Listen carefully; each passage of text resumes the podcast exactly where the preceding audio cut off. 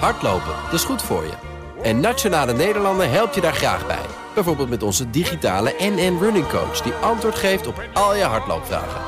Dus, kom ook in beweging. Onze support heb je. Kijk op nn.nl slash hardlopen. Factgoeroes. Ja, het is dinsdag even voor 9 uur en dus is Frank Leeman bij ons. Goedemorgen Frank. Ja, goedemorgen. Een uh, tweetal facts uh, deze week die je gaat checken. Eerst iets over de wolf. Ja, bij een debat op 6 december hoorde ik Kamerlid Dirk-Jan Epping van Ja21 dit zeggen. Wekelijks bijten wolven vele staldieren dood. Soms uit honger, maar vaker uit sport. Hele stallen doodgebeten. Ja, nu is de wolf de laatste tijd steeds vaker het nieuws. Hè. Ja. Drie weken geleden nog over het, of je met paintball guns uh, op de wolf geschoot, uh, mag schieten. Het lijkt steeds meer een breed maatschappelijk debat te worden. Maar ja, of dan hele stallen doodgebeten werden, dat, ja, het leek mij overdreven. Ja, maar worden die cijfers uh, centra centraal bijgehouden? En wat zeggen die cijfers dan? De cijfers worden centraal bijgehouden, in dit geval door Bij 12, een samenwerking tussen alle provinciën. Die heb ik ook gesproken en gevraagd om duiding. Hè, en wat vinden we hier nu van? Maar zij zeggen juist, uh, we geven geen duiding, omdat onze taak is kennis, informatie en data te delen zonder daar een politieke uitleg bij te hebben. Uh, en voordat we bij het aantal doodgebeten uh, dieren komen, weten jullie hoeveel wolven er nu zijn in Nederland? ik denk acht. 24. Oh, ja. Ja, dat zijn toch best wel aardig, nou, aardig wat. En uh, vanaf januari dit jaar hebben wolven ongeveer 500 dieren gedood. Het overgrote deel schapen, dus ook een 20 of 30 tal koeien en kalveren. En vanaf de terugkeer van de wolf sinds 2015 zijn er grofweg 1300 dieren gedood door een wolf. Ja, 1300 dieren, dat is natuurlijk niet niks, maar ja, hele stallen zijn dat nou ook nog weer niet, hè? Of het moet in één keer gebeurd zijn? Nee, nou ja, precies. Ik heb gekeken naar hoeveel dieren zijn er bijvoorbeeld in één voorval... bij één boer of zo doodgebeten. Ja. Het gaat om een geval Overijssel met 31 schapen. Daarna een geval Noord-Brabant met 24 schapen. Ergens anders 16 schapen. En om er dan even heel academisch over te doen... er zijn ongeveer 40.000 bedrijven met schapen. Het gemiddelde aantal schapen per bedrijf is 200 schapen. Gemiddeld bij een kleinschalige ja. schapenhouder is 9 schapen. Dus kortom, als er in één nacht ja, 31 dieren worden doodgebeten... en je bent een kleine veehouder zou natuurlijk best ter waarde van een hele stal kunnen zijn. Ja. Uh, maar goed, de heer Eppings uitspraak: hele stallen is overdreven. Uh, uh, niet de situatie van de deur ging open, al die beesten waren dood. Nee, precies. Nou, maar, worden die, die boeren worden wel vergoed natuurlijk. Worden vergoed. Ik kan me nog best wel voorstellen dat het desalniettemin niet leuk is. Als Echt niet leuk. Nee. Ik begrijp ook dat ze buikpijn soms wakker ja. worden.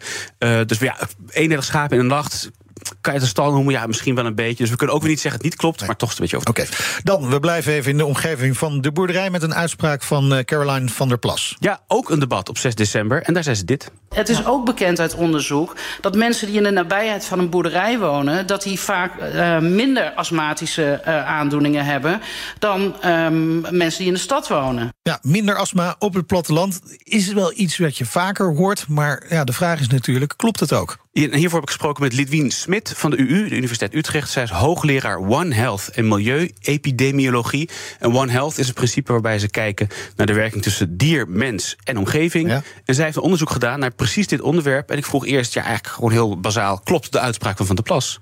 Nou, er zit ergens een kern, van waarheid in. Het, het, is wel zo dat mensen die in de buurt wonen van, uh, van veehouderijen. Dat, en met name bij kinderen is dat, uh, is dat heel goed bekend. Dat daar minder astma voorkomt. En niet alleen minder astma, maar ook minder allergieën. En er wonen ook minder mensen met chronische aandoeningen aan de longen in de buurt van veehouderijen. Of uh, in die ja, gebieden. Ja. En dat klinkt positief, maar dat vertelt dus maar het halve verhaal. Maar het is uh, wat kort door de bocht, want er speelt nog veel meer. En dat is dat mensen die al astma hebben, niet alleen astma, maar ook uh, chronische, andere chronische longaandoeningen zoals COPD. Daar zie je juist veel meer klachten en infecties en gebruik van medicatie als mensen juist dichter bij veehouderijen wonen. Ja, kortom, er wonen dus minder mensen met astma of chronische luchtwegaandoeningen in de buurt van veehouderijen. Maar de mensen die een dergelijke aandoening al hebben en in de buurt wonen van een veehouderij, die hebben dus juist meer last en gebruiken ja. vaker medicijnen dan mensen met een vergelijkbare okay. aandoening niet in de buurt van een veehouderij. Nee, precies. Dus geen astma, rust of retraite locatie opzetten in de buurt van een veehouderij dus. Nee, nee zeker niet. En uh, zo weten ze ook niet waarom er minder mensen met astma in de buurt van veehouderijen wonen.